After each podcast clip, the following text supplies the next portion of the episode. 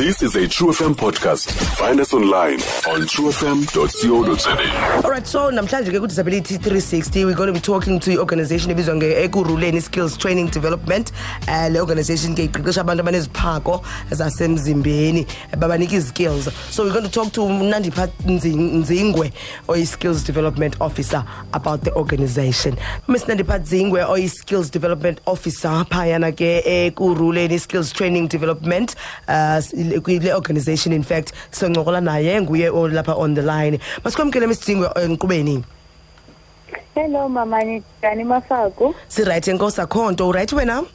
Siyaphila nami okay. Sibambe ngazibini sibulele kakhulu nangexesha lakho. Okokuqala nje eh nandipha khawusixelele ngale organization yenu eh uba yenza ntoni kanye kanye?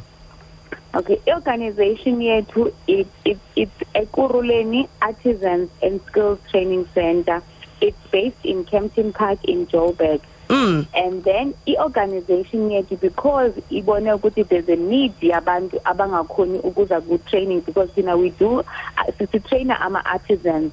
When i'm talking about artisans i speak about the electricians i-plumbers i-boiler makers e-welders the list is endless. Mm. we also have an npo which accommodates others that are needy but they do want to be trained where we go out and look out for funds. When we talk about those people, we're talking about people abane disabilities as well because mostly our communities is bavalela ngaphandle and we try by all means to encourage them ukuthi they can do lama skills. A person with a disability can be an electrician, can be a boiler maker, can be a welder because some of them izandla zabo they find it's only that there's a disability somewhere, maybe Yeah. it's the leg or whatever the case might be.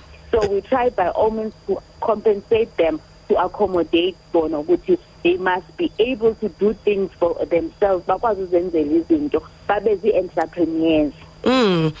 All right. So after besibenzisile ezi programs ezina eh njengoba sozikhanganye lapha ngasentla sisinandipha ingaba mhlambe bona xa bemhlambe bebuyela kwi communities zabo how do they benefit from you giving them as skills okay thina basically even if awuna disability whether une disability xa uze wazo-trainer with us Mm. we have e, e, e, we assist in job placement but we cannot say we siyagaranta ngenxa ye-economy sisi because uyayazi i-economy injani. But siyazama ukukuncedisa siyakwenzisa i-cv yakho sizame uba ii-companies ezifuna abantu nazo seziyazazi uba okay fine i-ekuruleni itrainer abantu abazi-artisans. So if sifuna ii-bricklayers let's contact sidibana ne-ekuruleni sicela nisiphe abantu esenibatrainile abazi-bricklayers then we take ezaa cvs sizithumela kubo Mm, that's wonderful.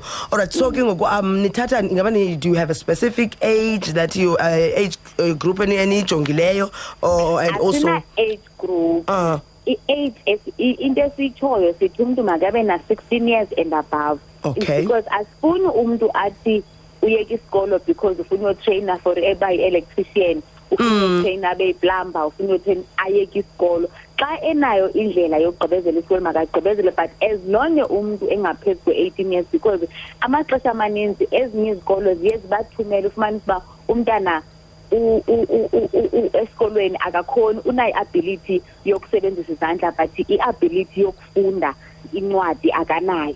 Then ibe sisikolo esimreferishayo sithi ndicela nin- ninditrainele lo mntwana. Uya-understand ya ndiyakuva Eh, ingaba ke ngoku mhlawumbi nibatreyina uh, bayabhatala kanti batreyinayo okanye nenza njani? Okay. Sinayo i-fee.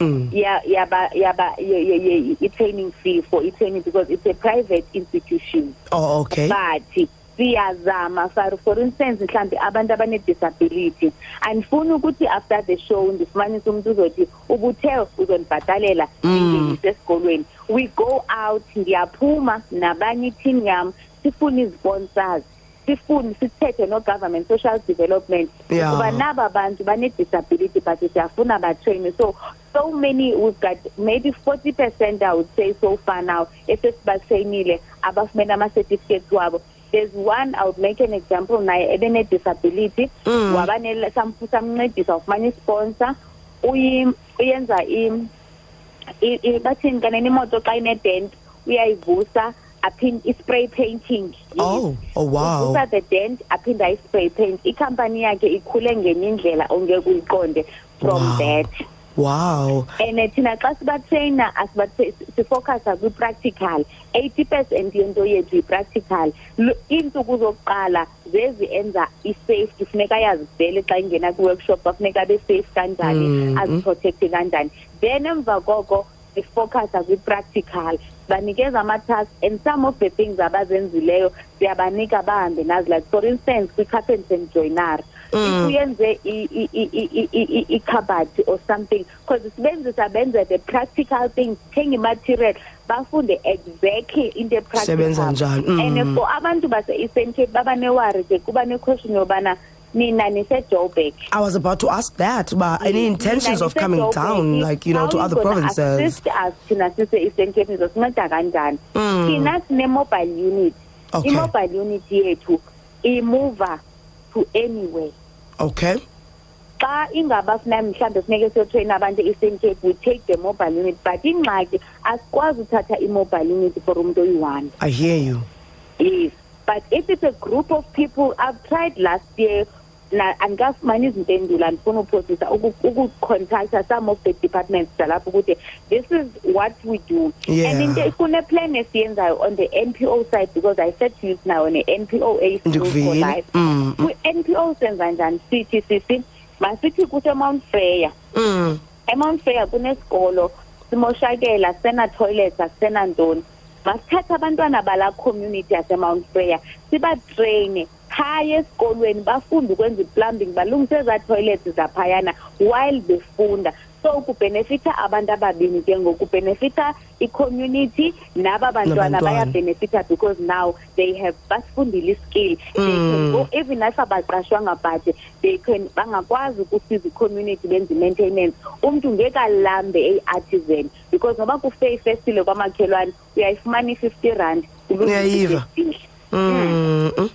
So nifumane kaphi ke miss dzingwe eh ngabantu abamhlaba abanomdla abanqwenelayo nabo abakhe bangene kwezi programs. Abantu abandikhona kufacebook as unandipha dzingwe even our page ekuruleni artisans and skills training center ikhona ipage yabo kufacebook.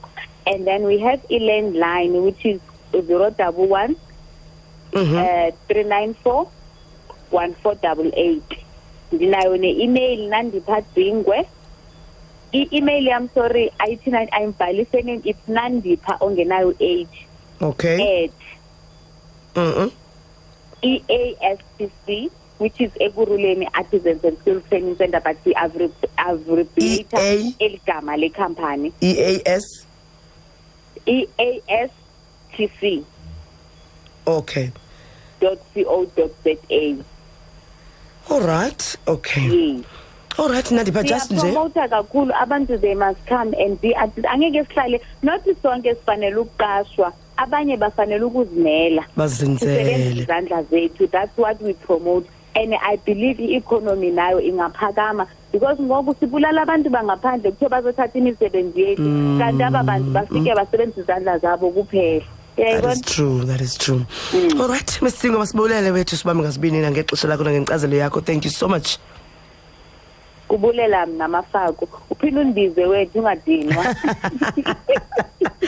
All right. Okay, shab mthanda leni buzicelela. hayi ndiyazicelela mafako okay. Eh, Nkosike siswami, thank you so much Miss Nandipha Dzingwe. Stream True FM online on truefm.co.za. sikho yonke indawo ngalo lonke ixesha like no one else